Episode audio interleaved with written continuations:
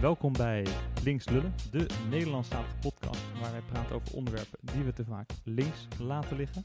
Vandaag is een hele bijzondere gast hier aanwezig. Dat is Niels Jongerius. Hallo Niels. Hoi Thomas. Niels is uh, lid van de activistische denktank TNI, waar hij werkt als nationaal netwerker met klimaatactivisten, mensen die actie voeren voor betere migratieregels, handel uh, en nog veel meer volgens mij. Ben ik nog iets vergeten? Ja, maar uh, we, we, doen van alles. mondiaal drugsbeleid bijvoorbeeld, hartstikke leuk onderwerp. Hartstikke leuk, heel belangrijk en boeiend. Maar niet waar we vandaag over gaan praten met elkaar. Vandaag gaan we het hebben over fascisme en antifascisme. De aanleiding is de bestorming van het Capitool in de Verenigde Staten op 6 januari. Voor de mensen die onder een steen hebben geleefd, wat is er aan de hand? Um, Donald Trump heeft een uh, bijeenkomst gehouden voor het Capitool. En aan het einde van die bijeenkomst, waar al zijn, uh, niet al, maar een groot deel van zijn betogers aanwezig waren, riep hij hun op: ga naar het Capitool toe en vertel de congres en de senatoren dat het allemaal oneerlijk is, illegitiem en de, het is gestolen van mij de verkiezing.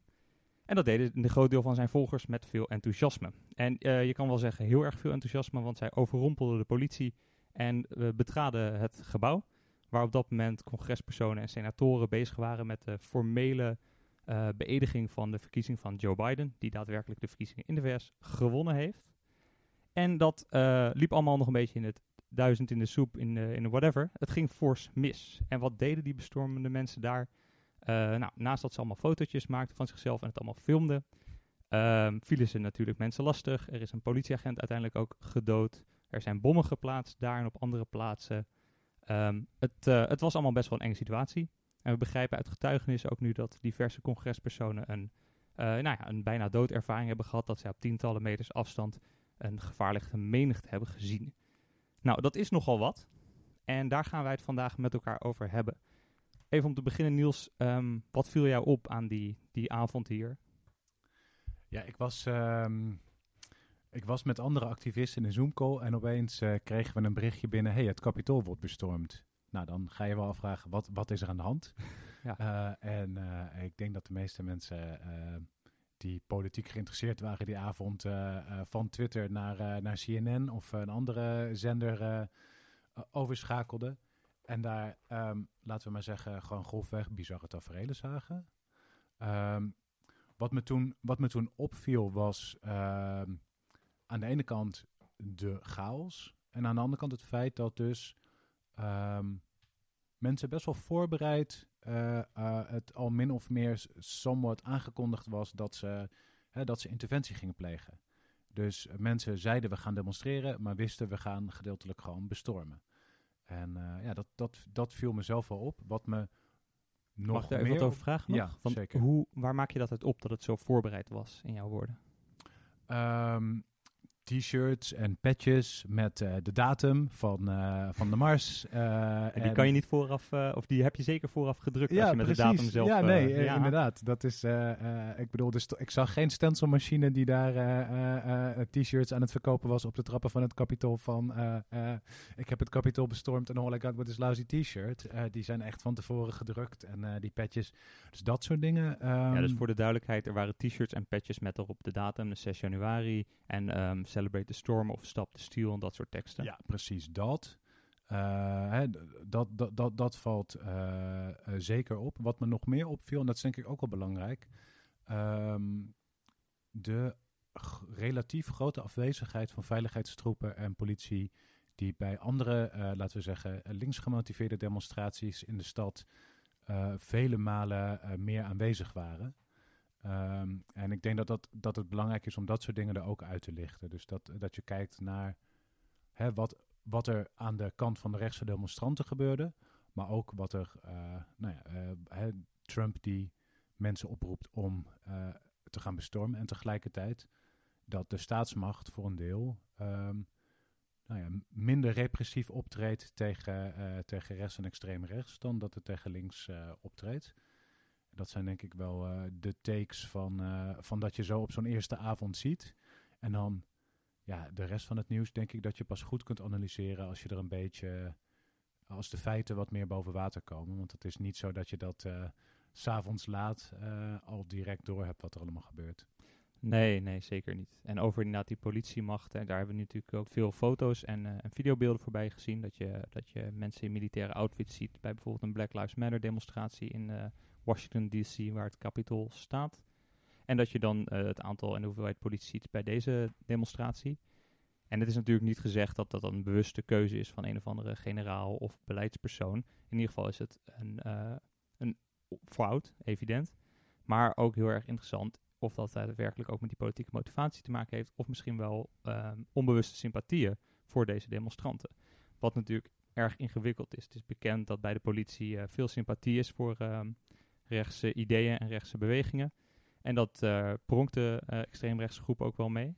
Um, dus ja, genoeg om in de gaten te houden. Dat wat er aan de hand aan de andere kant van de oceaan. Nou, ik denk dat iedereen dat in het nieuws kan volgen of nog veel meer andere filmpjes erover kan kijken. Maar dit is een wereldwijd fenomeen, zei hij al. Ja, helaas wel. Um, en ook niet iets per se dat, dat in die zin alleen maar in het hier en nu gebeurt. Uh, fascisme heeft een, een, helaas een lange geschiedenis. Maar ik denk wel dat je kunt zeggen dat het aan een mondiale opmars bezig is. India, Brazilië, um, in verschillende Oost-Europese landen, Duitsland, Scandinavië en ook in Nederland zie je dat extreem rechts en meer specifiek fascistische groeperingen steviger worden, zelfverzekerder worden, van elkaar leren, uh, banden met elkaar aanhalen en ja, zich prominenter en uh, gevaarlijker manifesteren in de samenleving. Kijk, dat waren een hoop landen en een, aantal stevige stellingen, heel goed. Uh, kan je misschien een paar landen eruit pakken en wat verhalen er vertellen over wat er aan de hand is en wat we daarvan moeten weten? Ja, ik denk dat het goed is als we landen gaan bekijken, behandelen, dat we weten dat dingen die in een, in een land gebeuren echt in een relatief, aan de ene kant in een relatief specifiek uh, context gebeuren.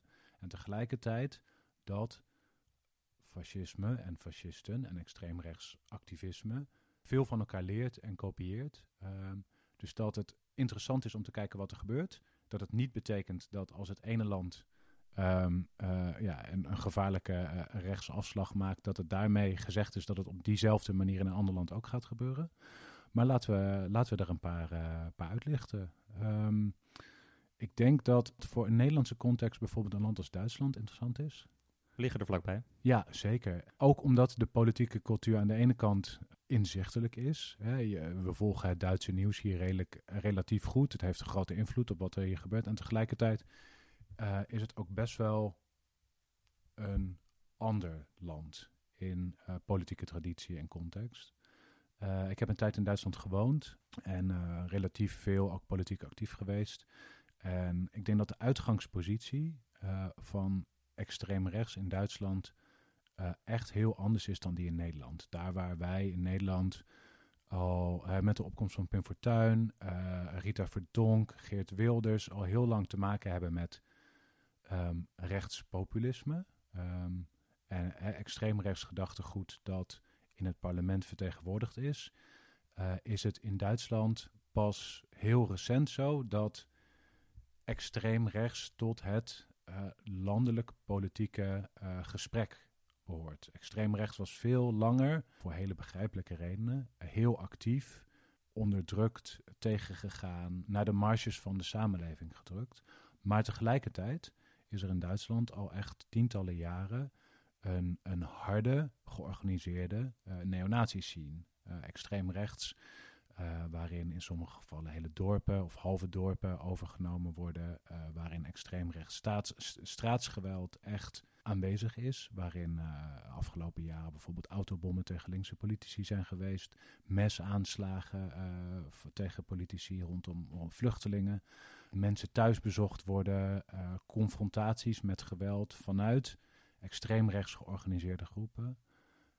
Vele malen meer gebeuren dan in een Nederlandse politieke context. Dus we hebben aan de ene kant een, een meer afwezigheid van rechts- en extreemrechtse ideeën in het publieke en politieke debat. En tegelijkertijd een veel hardere, veel gewelddadigere uh, extreemrechtse straatbeweging die zeker fascistisch te noemen is. En dan moet ik denk, zelf ook denken aan de bekendere politicus uh, Lubeck, die een uh, tijd terug vermoord was, ook door een uh, extreemrechts nou ja, terrorist, kan je denk ik wel noemen als je een politicus ja. vermoordt. Best wel een vergelijkbaar, maar tegelijk ook een hele andere situatie, waarin in het parlement tot lange tijd een hele andere situatie was dan in Nederland. Maar op straat juist men veel aanweziger was. Ja. Um, het werd al een paar keer genoemd, hè? extreemrechts, rechtspopulisme, fascisme, mooie, hele dure, klinkende woorden. Maar even voor de luisteraars die niet allemaal politicologie hebben gestudeerd. Wat is het? Wat moeten we ervan weten? Ik heb ook geen politicologie gestudeerd. Oh, dus als ik dat moet, heb moeten doen om het antwoord te geven. Nu vallen we wel een beetje door de mand. Nu vallen we door de mand, Thomas. Oké, nou, nee, we gaan gewoon door. Ja, ik denk dat het goed is om dat soort begrippen een beetje te proberen inderdaad te ontwarren. En tegelijkertijd uh, er niet een, een academisch label op te, op te willen plakken. Hè? Um, wij behoren allebei tot het uh, link, uitgesproken linkerkant van het politieke spectrum. Je zou kunnen zeggen, we behoren tot de socialistische familie.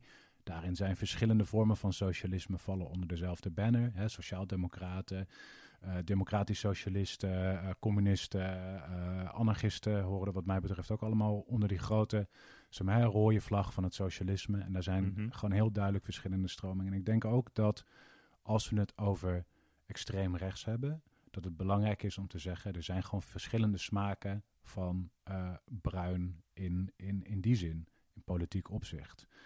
Uh, als je het hebt over extreem rechts, dan denk ik dat er een, um, wat heel belangrijk is, dat er echt een, zeg maar, een, een, een racistisch motief achter zit. Dus dat uh, je zegt, de ene groep mensen is beter dan de andere groep mensen. Moslims zijn minder waardig of Joden zijn minder waardig.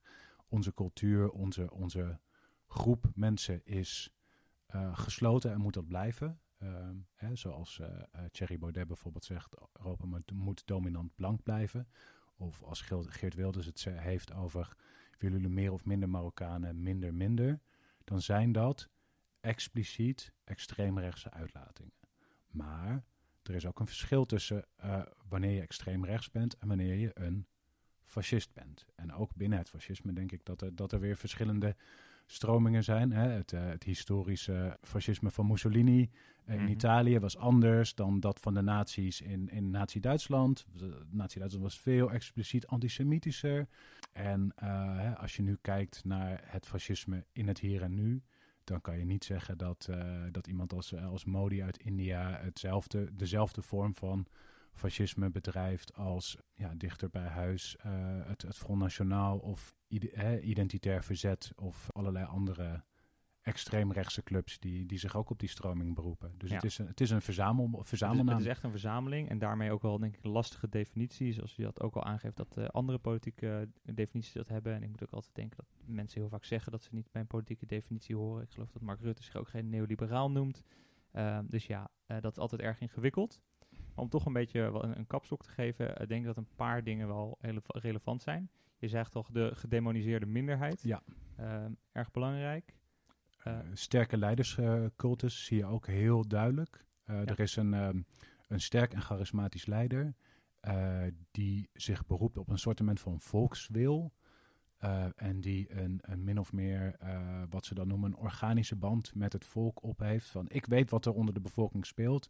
En er is een bepaalde elite of een bepaalde andere groep aan de macht die uh, tegen het volk samenspant en uh, ons eronder wil houden. En als jullie maar mij volgen, dan leid ik ons naar een glorieuze toekomst die eigenlijk lijkt op het verleden. Nou, kijk, Niels heeft uh, dit speechje geoefend, dus kijk uit mensen. Niels kan hem ook.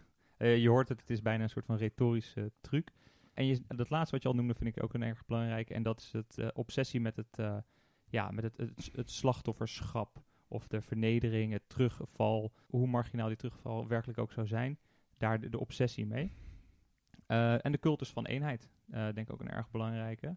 Die, die, ja, die idee van reinheid, eenheid. Nou, je hoort het al terugkomen in sommige mensen hun taalgebruik als het gaat over, um, wat was het ook weer, verdunning? homeopathische verdunning, ja, ja joh. Ja, dat, dat, is dus Nederlandse bodem nou ja. Is dat dan fascisme of niet? Is dat een discussie die we hier moeten hebben? Ja en nee. Ik denk dat het goed is dat we zeggen er is echt een, een politiek verschil tussen iemand als Wilders en iemand als Baudet. Omdat op basis van die politieke verschillen je als tegenstander van die ideeën en stromingen ook daar anders mee om moet gaan. Wilders heeft in principe nooit geprobeerd om een partijorganisatie op te bouwen met een jongerenbeweging die banden heeft met andere foute jongerenbewegingen over de grens, mensen te recruteren en uh, extreemrechtse uitgevers te steunen, zijn eigen televisiekanaal op te zetten. Wilders was in die zin als extreemrechtspoliticus best wel gericht op verkiezingen, doen, meedoen met het politieke spelletje vanuit een radicale visie. Thierry Baudet is veel meer bezig met het opbouwen van een eigen partij, uh, partijorganisatie, uh, uitgevers, uh, videomakers, memegroepen uh, en het, het harde van een kader in die zin. En dat is denk ik veel meer richting het, nou ja, het klassieke beeld van wat een fascistische beweging, partij doet. Ja, dus dat vind ik wel heel interessant, want we hadden het net over wat meer uh, ideologische punten, uh, maar je hebt het ook echt over het bouwen van een beweging, waarin Wilders toch wat, wat meer eenzaam is in zijn eigen idee. Um, ik denk dat de Nederlandse context nog eventjes moeten laten en misschien nog wat internationale voorbeelden moeten pakken, want je noemde er ook zoveel. Uh, Modi, dat is geloof ik president in India, ja. een, een zeer groot land met ja. heel veel mensen. Ja. En je zei, nou, dat, dat is ook wel in het fascistische spectrum. Ja. Of zeker een fascist. Ja, Vertel, wat is daar aan de hand? Want misschien weet niet iedereen hoe het nee, daar ik zit. Kan me, het, het kwam voor mij ook als een enorme verrassing in die zin. India, de grootste democratie ter wereld. Parlementair systeem waarin oppositie en regering elkaar in principe niet na een bestorming van een, van een congres afwisselen, maar in principe na verkiezingen.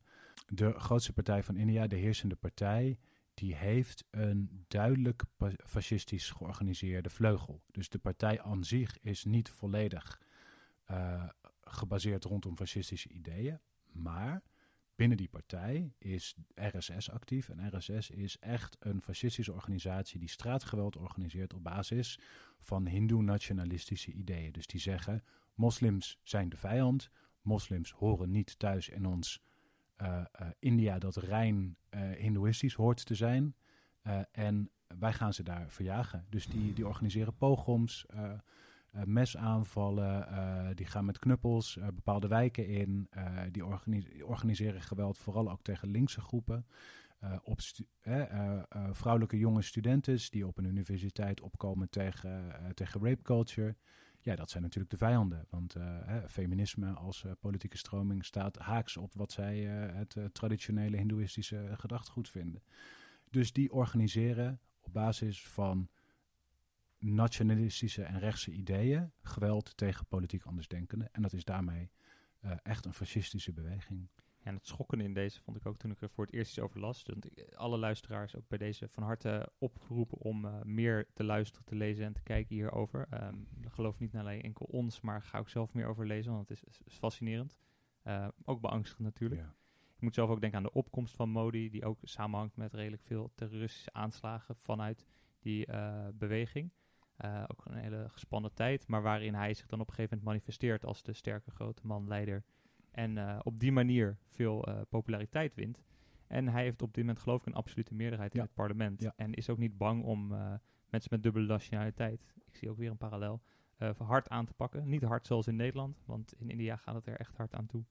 Maar ik geloof dat, nou ja, daar kwam ook een mooie protestbeweging tegen op. Ik moet eerlijk bekennen, ik niet weten hoe het daar nu mee staat. Slecht. Shit. Ja, nee. Um, kijk, de, India is een, is een, een enorm groot en divers land. En daarmee kan je niet alles over, over een kam scheren. Het begon heel erg goed en strijdbaar. En ik heb uh, het geluk gehad best wel wat jonge activisten uit India te hebben gesproken. Die op campussen bijvoorbeeld uh, Mhm. mm -hmm. actief zijn. En dat is ontzettend inspirerend om daar te zien hoe ze uh, campusbezettingen organiseren. Maar ja, um, zoals we allemaal weten, als activist, als de politie op je, op je stoep of op je campuswoning staat, uh, ja. dan kan je een bezetting misschien een paar uur of een paar dagen volhouden, maar een paar maanden gaat lastiger worden. Uh, dus uiteindelijk is denk ik het gevaar in deze ook wel dat de fascistische straatbeweging gesteund wordt door een staatsapparaat en daarmee dus niet alleen het gevaar komt van laten we zeggen, uh, in extreme zin, uh, zonder het een karikatuur te willen maken, hè, van, van rechtsgekkies die met, met een mes rondlopen, maar ook van de politieagent die jou op straat gooit, zodat je in een donker hoekje uh, moet oppassen voor al die andere rechtsgekkies. En dat, die, die context maakt het extreem lastig om als Indiase politieke beweging daar echt georganiseerd uh, tegenmacht tegen op te bouwen. Dus het is het, het, zeker heel strijdbaar. Gebeuren een heleboel hele positieve dingen. Maar het is fucking gevaarlijk om tegen zowel gewapende tegenstanders als tegenover de politie je bek open te trekken in zo'n context. Absoluut, absoluut. En nogmaals weer de benadrukking dat het echt heel anders eruit ziet van land tot land. En dat de situaties ook anders zijn. Maar dat ook wel heel erg boeiend die relatie met het uh, politieapparaat is. En dat we dat denk ik wel meer landen terugzien. Ik wil nog twee sprongetjes maken voordat we in Nederland landen. Naar allemaal vrienden van elkaar. We gaan naar de volgende sterke man, leider, chauvinist, demagoog, et cetera. Bolsonaro, oh, Brazilië. Ja, ja, fantastisch. Natuurlijk, nee, niet. Het is oh. verschrikkelijk. Um, maar ook, ook daar, inderdaad, belangrijk om te zeggen, het verschilt van land tot land. Bolsonaro zit al een hele lange tijd in het, uh, in het Braziliaanse parlement. Uh, werd lange tijd gezien als een beetje, uh, laten we zeggen, de rechtsbuiten die je als, als tv- of radiomaker aan, aan je interviewtafel toevoegt, omdat je weet dat hij altijd iets geks zegt. Dat voor hè, de, de kliks en de likes en de, en de kijkcijfers zorgt. Spannende tv. Spannende tv oplevert. Maar men vond hem lange tijd niet per se een gevaarlijk persoon. Mm -hmm. dus is in die zin denk ik anders, uh, omdat uh, hè, in India uh, de RSS al lange tijd als politieke organisatie actief was.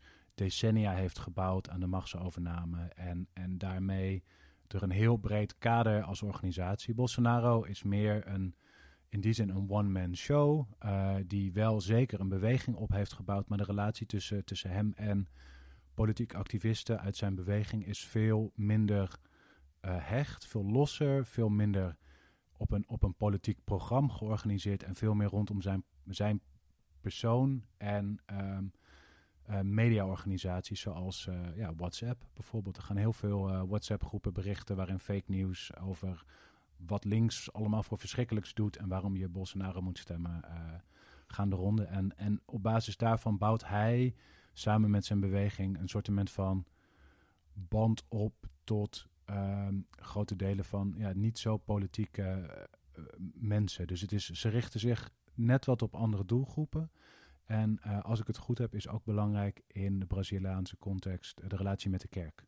Uh, mm -hmm. vooral conservatieve kerk, omdat natuurlijk Latijns-Amerika een brede kerktraditie kent, waarin ook hele linkse kerktradities uh, echt wel tegen Bolsonaro en andere rechtse mannen strijden. Um, maar helaas um, zijn veel kerkorganisaties conservatief in opkomst en die steunen, steunen hem ook. Ja, en ik ga dan even mijn persoonlijke ervaring aan toevoegen van de mensen die ik ken in, uh, in Brazilië werkend en uh, studerend. Die ook inderdaad over die WhatsApp-groepen vertellen en hoe dat in het dagelijks leven doordringt. Want je spreekt gewoon vrienden, vriendinnen daar, mensen uit Brazilië. En die, ja, die vertellen opeens de meest bizarre verhalen, hoor ik dan. En die krijgen ze via allemaal WhatsApp-groepen. En dat is ook een, een fake news dat wij hier op die vorm, denk ik, minder kennen. Uh, wij hebben toch vaak hier nieuwsvoorziening via hele publieke kanalen. En een WhatsApp-groep is natuurlijk erg afgesloten. Ja. En op die manier heeft, uh, heeft Bolsonaro ook weer een hele interessante inkijk. En via fake news misschien ook een bruggetje slaand. Of wil je nog iets over Brazilië zeggen? Ja, nou wat ik, omdat uh, Brazilië natuurlijk in een bredere Latijns-Amerikaanse context is, waarin um, racisme ook sterk verankerd is in de politieke cultuur. Uh, het vaak tegen de inheemse bevolking gericht is, of in het geval van Brazilië tegen zwarte en donkere mensen. En um, dat het dus ook, ook daar naar de context gekleurd is, maar wel duidelijk overeenkomsten heeft met andere fascistische en extreemrechtse bewegingen. Ja, ja. Dan uh, moeten we nog even kort over de VS hebben, waar al, denk ik, boeken vol over geschreven zijn. Dus waar we misschien maar weinig over hoeven toe te voegen. Het racisme in de Verenigde Staten is uh, evident vanaf de slavenhandel uh, tot het heden. Um, zwarte leiders die ook vaak vermoord zijn een, een traditie waar uh, Trump met plezier over spreekt. Uh, oproepen, het geweld oproepen richting journalisten is denk ik een bekend voorbeeld ja. bij Trump. Ja. Um, wat ook wel de angst inboezemt. Echt, nou, je staat als journalist in een zaal en die hele zaal begint boos naar jou te schreeuwen. En Trump zegt, I'd like to punch him in the face. Ja, dat zijn ook duidelijk fascistische componenten. Ehm, en het fake news. Misschien wil je daar nog kort iets over zeggen. En dan, uh, dan moeten we denk ik even naar Nederland hoppen voordat we door de tijd heen zijn. Nou, ik wil eigenlijk iets anders eruit pakken in de Amerikaanse Tuurlijk. context. Ook in relatie tot de bestorming van het, van het congres.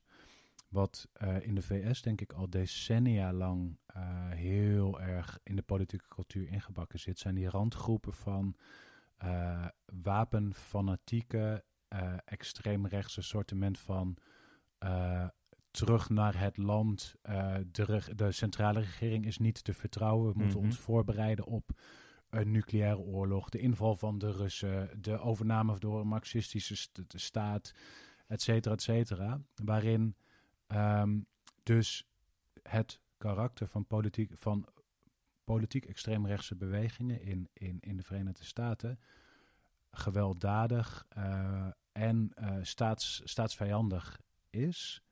Uh, de wapencultuur is daar natuurlijk heel erg doordrongen.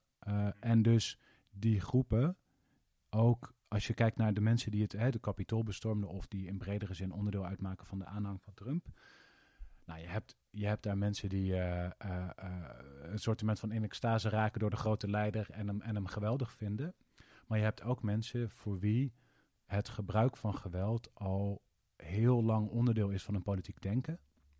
Uh, en die bereid zijn dat geweld te gebruiken tegen uh, uh, ja, wat zij zien, een grote staat met een marxistisch complot erachter die, die hun vrijheid beknot. En die groep, kijk dus hè, van, die, van die groepen, dat kan je dan denk ik een week, anderhalf na de, na de bestorming van het kapitool kan je dat een beetje zien. Niet iedereen die daar aan die bestorming heeft deelgenomen is een fascist. Er liepen ook mensen tussen met van die Make America Great Again hoedjes en nou, die, die, die meer op hadden met uh, de sterke man dan um, met een, een racistisch en gewelddadig gemotiveerde ideologie. Maar er waren er mensen die bewapend en wel met, met tasers en vuurwapens en plastic handboeien op zoek gingen om politici waarschijnlijk te gijzelen of te doden. En die, dat deel van de beweging is denk ik ja, best wel verankerd in de, in, de, in de politieke traditie van extreemrechts in de Verenigde Staten. En dus ook iets dat denk ik echt anders is dan hier in Nederland. Ja, je zegt het, dan gaan we toch maar even ook hier naar Nederland. Want we zijn uh, de halve wereld, of driekwart van de wereld doorgevlogen. Met overal eigen componenten en eigen trekken. Uh, waar het racisme er anders uitziet, waar het nationalisme er anders uitziet, waar, waar geloof weer een andere rol speelt en, en wapens en geweld. Hoe ziet het in Nederland dan volgens jou eruit? Wat kunnen we daarvan leren? Ja, ik denk dat Nederland in die zin een, een veel meer dat racistische politiek als onderdeel van ja, wat er aan de debattafels verschijnt, veel meer genormaliseerd is sinds, sinds Pim Fortuyn in Nederland. Uh, en tegelijkertijd dat er, ik vermoed, uh, op een bepaalde manier mede daardoor um, minder echt uh, extreem rechts georganiseerd, fascistisch georganiseerd, uh, extreem rechts actief was. En ik zeg was, omdat ik het denk de afgelopen jaren wel echt heb zien veranderen.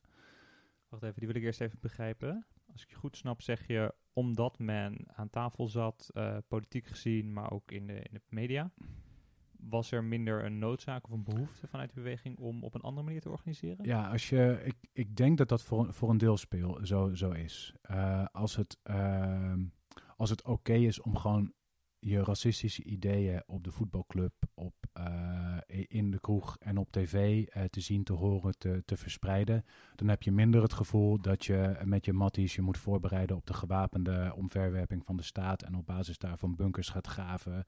En uh, zeg maar terugtrekt in Drenthe en daar dorpen overneemt. Zoals bijvoorbeeld hè, de situatie in Duitsland en in de Verenigde Staten.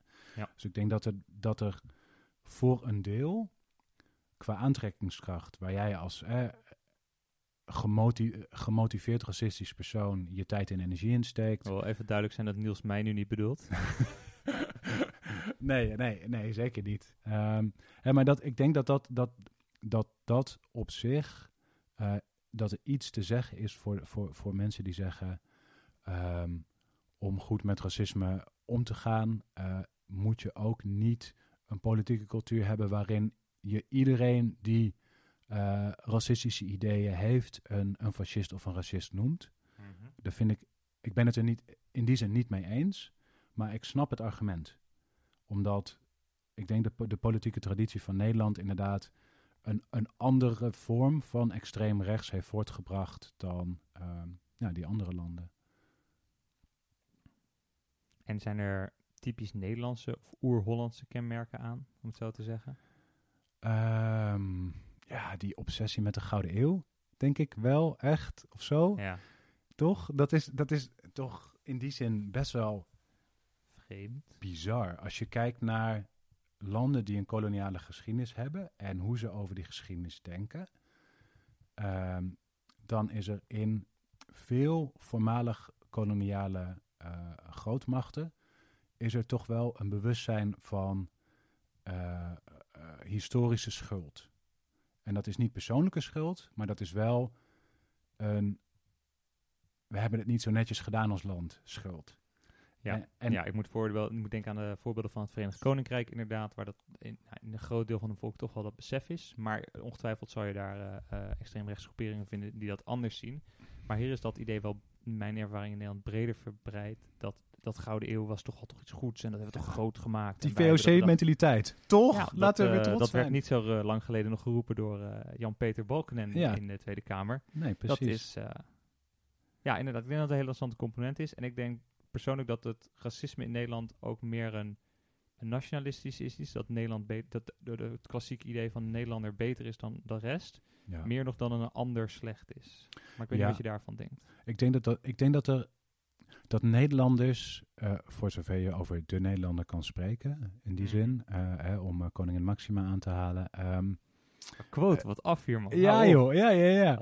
Eh, ja, de Nederlander. ehm, dat hij een heel verwrongen zelfbeeld heeft, of een heel optimistisch zelfbeeld. Misschien is dat, dat beter dan verwrongen. Als je Ja. Het, hè, als je het kijkt naar de Nederlandse geschiedenis en bijvoorbeeld de Tweede Wereldoorlog, bekend dat, dat, hè, dat, dat mensen dat over het algemeen, mensen die opgroeien in Nederland en die geschiedenis meekrijgen, denken dat het een soort van heroïsche eh, nationaal verzet was. Terwijl in, hè, in de context van een, van een bezet Europa, dat de vrijwillige eh, betrokkenheid bij Nederland van eh, bij de SS het hoogste van heel Europa was. Dus Ja. hè, het is in ieder geval, eh, in ieder geval een veel gecompliceerder en veel, veel duisterdere geschiedenis dan ik denk voor veel Nederlanders over het algemeen eh, geloofd wordt. En dat, dat er op basis daarvan ehm, ja, mensen zich ook wel snel aangevallen voelen over eh, Nederlanders zijn. En, eh, en dat er daar dus de brug naar racistische ideeën vrij snel gemaakt is. Omdat, ja, Ik ga ons nu even wegtrekken uit deze psycho-analyse Oh, van shit. onszelf en onze mede- mede-Nederlanders en eh, mensen daarbuiten. Ehm, er zijn ook gewoon hele concrete voorbeelden te noemen. Eh, we hebben het over situaties gehad in het buitenland die zich op een bepaalde manier uiten. Maar er zijn ook voorbeelden in Nederland. Ehm, ik zelf moet denken aan eh, het boerenprotest en de Farmers Defence Ja. Force. Eh, concreet voorbeeld dat bij mij nu even opkomt in eerste instantie is dat ze bij een politicus op bezoek gaan om daar iets, eh, wat is het, eten of zo af te geven, waarmee je natuurlijk ook een impliciete boodschap meegeeft. Ja. Zijn er meer van dat soort voorbeelden in de Nederlandse context? ja zeker. Ja, ik, eh, ik denk dat ehm, het belangrijkste is het, het geweld tegen activisten die eh, af willen van de racistische karakter Zwarte Piet.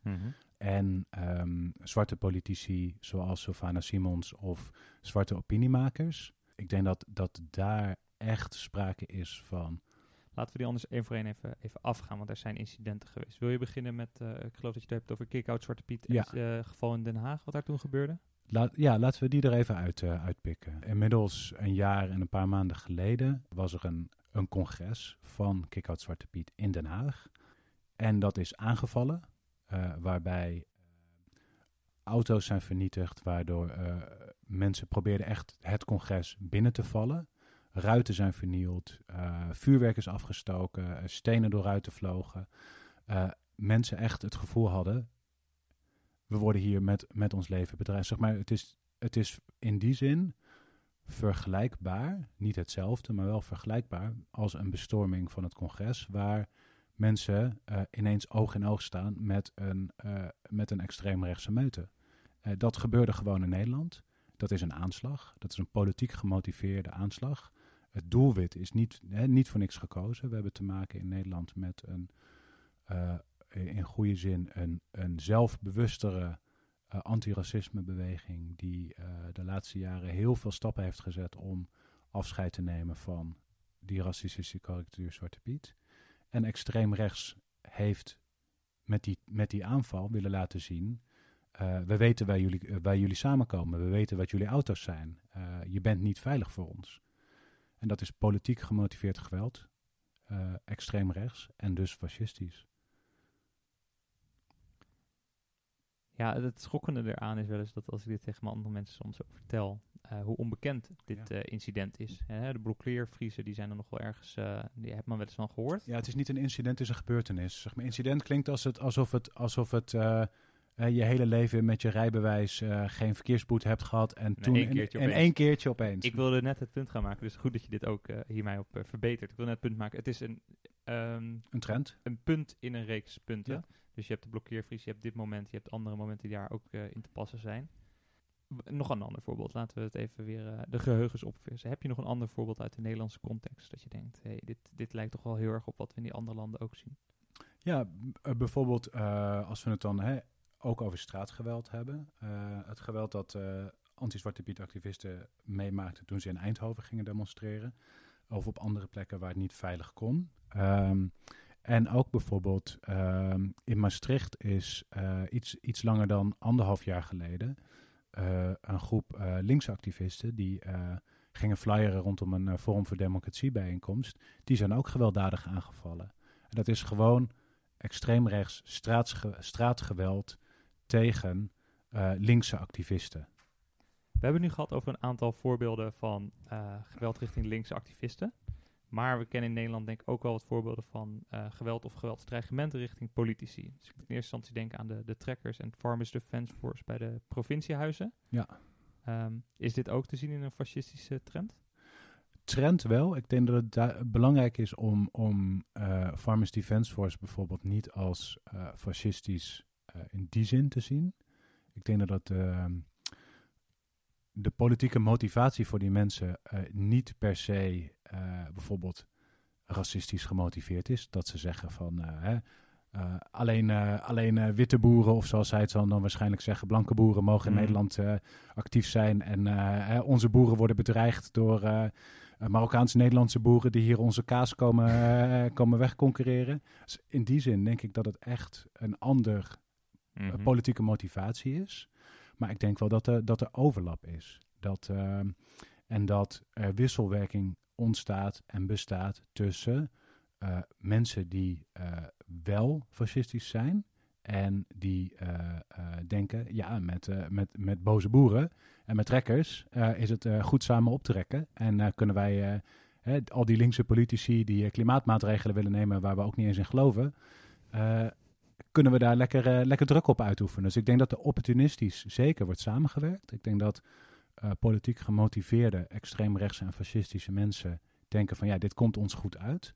Maar ik vind het wel belangrijk om te zeggen dat ik uh, er over, van overtuigd ben dat de meeste van de mensen die de Farmers Defence Force steunen, niet fascistisch zijn. Maar ik vermoed wel dat daar radicalisering plaatsvindt en dat dat zij door uh, het Forum voor Democratie en bijvoorbeeld rechtse, extreemrechtse media, dat ze, um, net als dat uh, mensen uh, door dit soort supergoeie podcasts te luisteren, linkse politieke ideeën meer eigen maken, dat dat ook op rechts en extreemrechts gebeurt. Dus er zitten zeker wel gevaarlijke kanten aan, ja. Kijk, we kunnen denk ik nog wel uren doorpraten over verschillende voorbeelden en situaties. Um, ik wil jou zo nog een kant geven om, uh, om een, soort van laatste reactie over dit onderdeel te doen. En dan wil ik het even hebben over de, de paradox van tolerantie. En waarom uh, we het eigenlijk nou vandaag specifiek hierover hebben. Want er is wat uh, bijzonders aan de hand met deze ideologie, fascisme. Wil jij nog iets zeggen over de, de Nederlandse context? Iets wat je nog wil meegeven?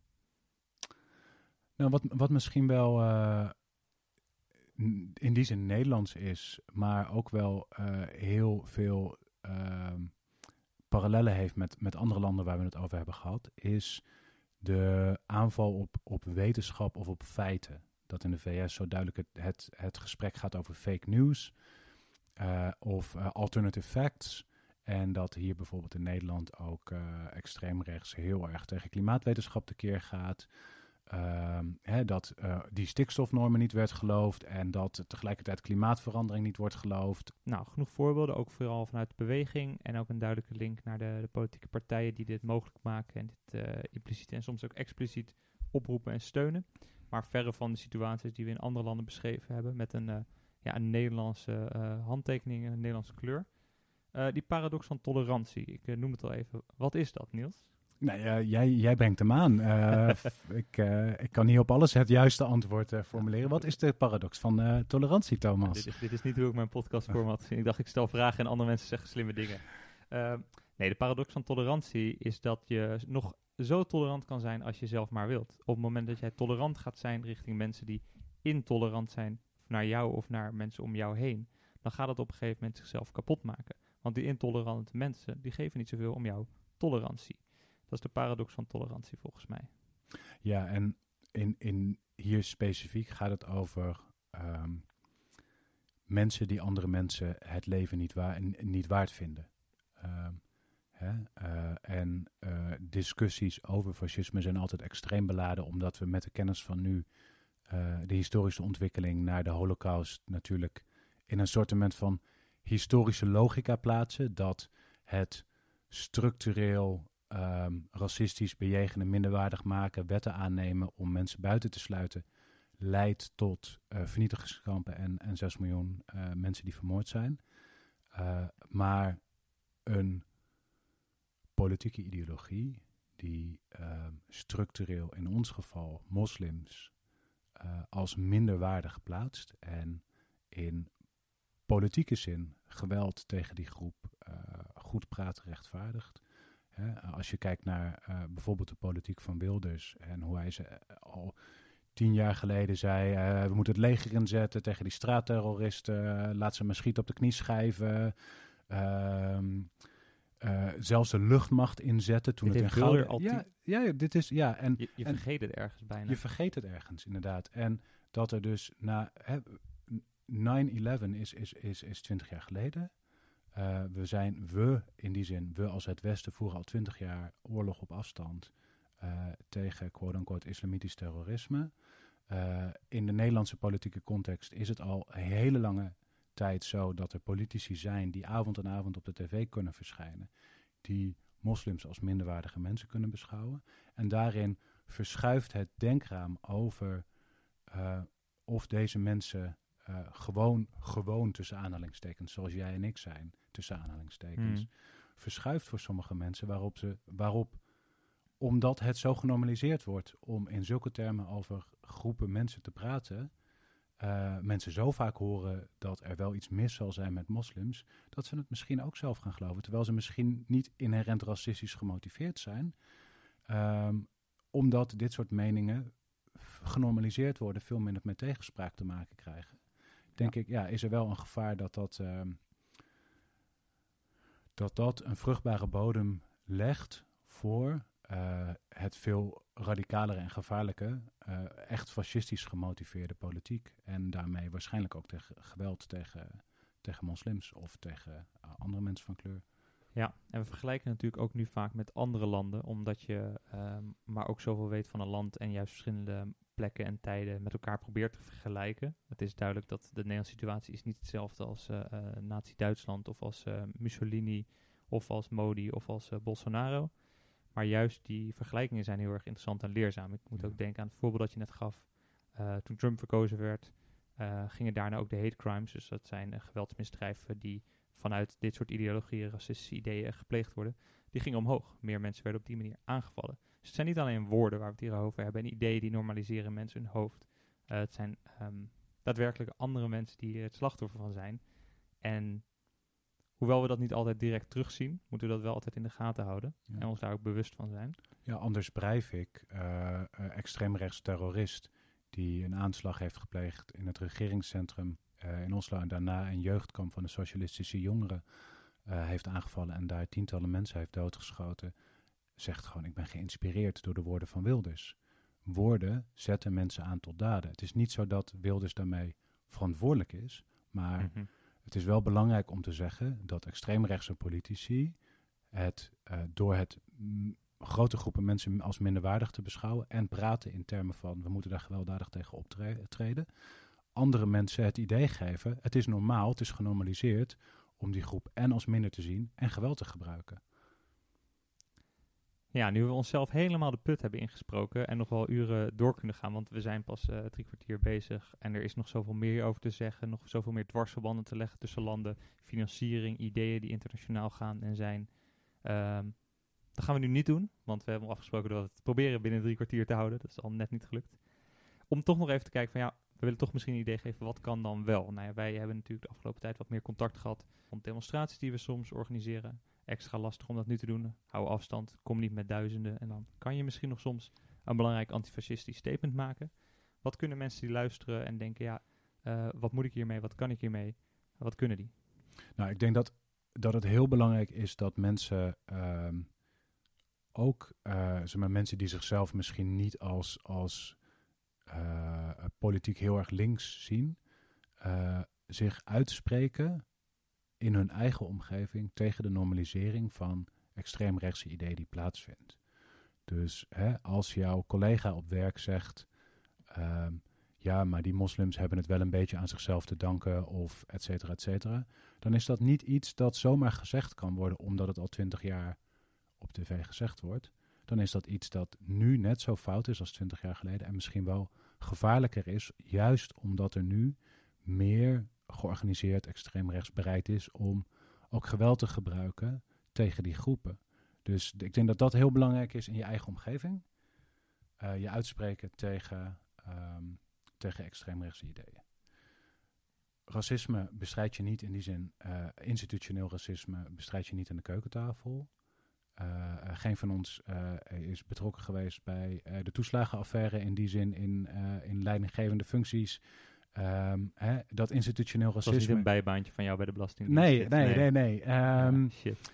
Dat, en als ik bij de Belastingdienst zou werken, dan zou ik heel graag die blauwe enveloppen naar Shell sturen in plaats van naar, naar mensen die uitkeringen podcast krijgen. Vier. En podcast 4, ja, leuk. Maar um, het gaat hier over collectief en georganiseerd optreden. Als we zeggen, extreem rechts organiseert zichzelf zelfbewuster en bouwt eigen media op, bouwt eigen organisaties op, bouwt jongere organisaties op, dan is dat ook iets dat wij kunnen doen. Als, je, als je politiek bent en jong bent en je wil je, je aansluiten, kom bij een organisatie die zegt, wij als politieke organisatie uh, organiseren ons tegen opkomend extreem rechts. Dat Ja. kan gewoon. Ja. Zeg maar, we leven nog gewoon in een land waarin je als, als jongere of als, ook als oudere eh, bij een club mag komen die antifascistisch is, die links is. Ehm, doe dat dan ook. Als je, als je je druk maakt, doe het samen. Ja. Ehm, Ik vind een heel mooie oproep. Soort van aan de ene kant, eh, doe het in je persoonlijke omgeving, eh, spreek je uit. Eh, maar doe het ook samen. We noemen net al het punt dat wij ook dingen proberen te doen. Dat doen we ook niet met z'n tweeën aan de keukentafel. Dat doe je samen met andere mensen. En het is heel erg bemoedigend om te zien dat die coalitie ook steeds breder, breder wordt. Ehm, klimaatactivisten, antifascistische activisten, ehm, vakbondsmensen, eh, alle- feministen. feministen inderdaad, ehm, antiracistische activisten. ehm, alles komt bij elkaar in, Ja. eh, in zo'n actie. En dat is heel mooi om te zien. Ja, hela- helaas nog niet alles en helaas nog niet iedereen. Shit, toch nog een kritische nee, noot. nee, maar Thomas, dat is in die zin, het gaat goed. Zeg Ja, maar, ja. Ik zie daar echt de kiemen van samenwerking die ik, die ik al heel, heel veel langer had gehoopt dat die, dat die zouden ontstaan. Hè, het, is, het, is, het is echt niet zo vaak, eh, ik, ik, ik, ik ben al twintig jaar politiek actief, het is echt niet zo vaak dat je samen zit met, met mensen uit de anarchistische beweging, eh Bijeen, SP, GroenLinks, ehm eh, feministen, klimaatactivisten, allemaal samen in een Zoom-call een paar dagen voor een, om, om een demonstratie te organiseren in, in coronatijd. Mhm. Ehm, het gebeurt. Het gebeurt gelukkig goed. Dus steun die bewegingen. Word actief bij zo'n club en organisatie. En vind je andere bondgenoten in die strijd. Want samen sta je sterk. En eh, we zijn echt, echt, echt met een hoop meer dan die fascisten. En Niels heeft opgeroepen dat we, dat we ook allemaal actief moeten worden. Doe ik nog wel even de makkelijke oproep. Je kan ook in je persoonlijke omgeving met de mensen om je heen blijven praten. Eh, ik denk absoluut dat het een van de belangrijkste dingen is die je kan doen. Eh, ik denk er steeds meer over na dat we waarschijnlijk allemaal wel iemand in onze omgeving hebben. Familie, vrienden net zo'n laagje verder, waarvan je denkt, nou die begint toch wel een beetje eh, spannende, enge, nare dingen te zeggen de laatste tijd. En ik weet, dat heb ik zelf ook vaak gedaan, en ik denk, laat maar, of ik kan het wel negeren, of het zal wel. Maar dat is eigenlijk niet de oplossing. Ehm, en ik keek naar een video van eh AOC, Alexandria Ocasio-Cortez. Die zei, dit is een probleem van een generatie. Dit los je niet met enkele mensen op, dit los je met z'n allen op. Hier moet je continu mee bezig zijn. Ehm, Nederland is niet een situatie waar de Verenigde Staten in is. Dat mensen het eh, Binnenhof bestormen en eh, de Tweede Kamerleden voor hun leven hoeven te vrezen. Dat is niet het geval. Nederland is wel in een situatie waarin het een goede kans biedt om nu al persoonlijk mensen op aan te spreken, het gesprek erover aan te gaan en, zoals Niels natuurlijk ook zei, je aan te sluiten. Dan zijn wij lekker over de tijd heen. Ehm, wij hebben heel veel dank voor Niels. Fijn dat jij er vandaag kon zijn. Ja, graag gedaan. Heel leuk. Leuk. Ja, ehm, Leerzaam. nou, leuk in de zin, ehm, in deze isolerende tijden waarin je veel thuis alleen zit, eh, veel series kijkt of boeken leest. Mhm. eh, misschien kunnen we in de show notes nog wat leuke le- lees- en eh, luistertips doen.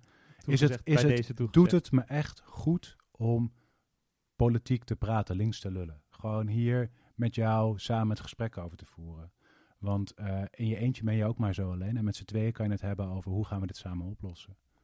Kijk, dan ga ik nog zeggen, ehm, bedankt voor het eh, gesprek.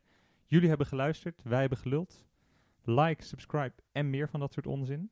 Maar we proberen meer interactie te doen met de luisteraars. Dus heb je een vraag, heb je een opmerking, een kritische noot of misschien wel iets aardigs. eh, stuur het ons via de Instagram. En dan eh, gaan we daar wat moois mee doen. Dank jullie wel. Dank je wel Niels. Graag gedaan.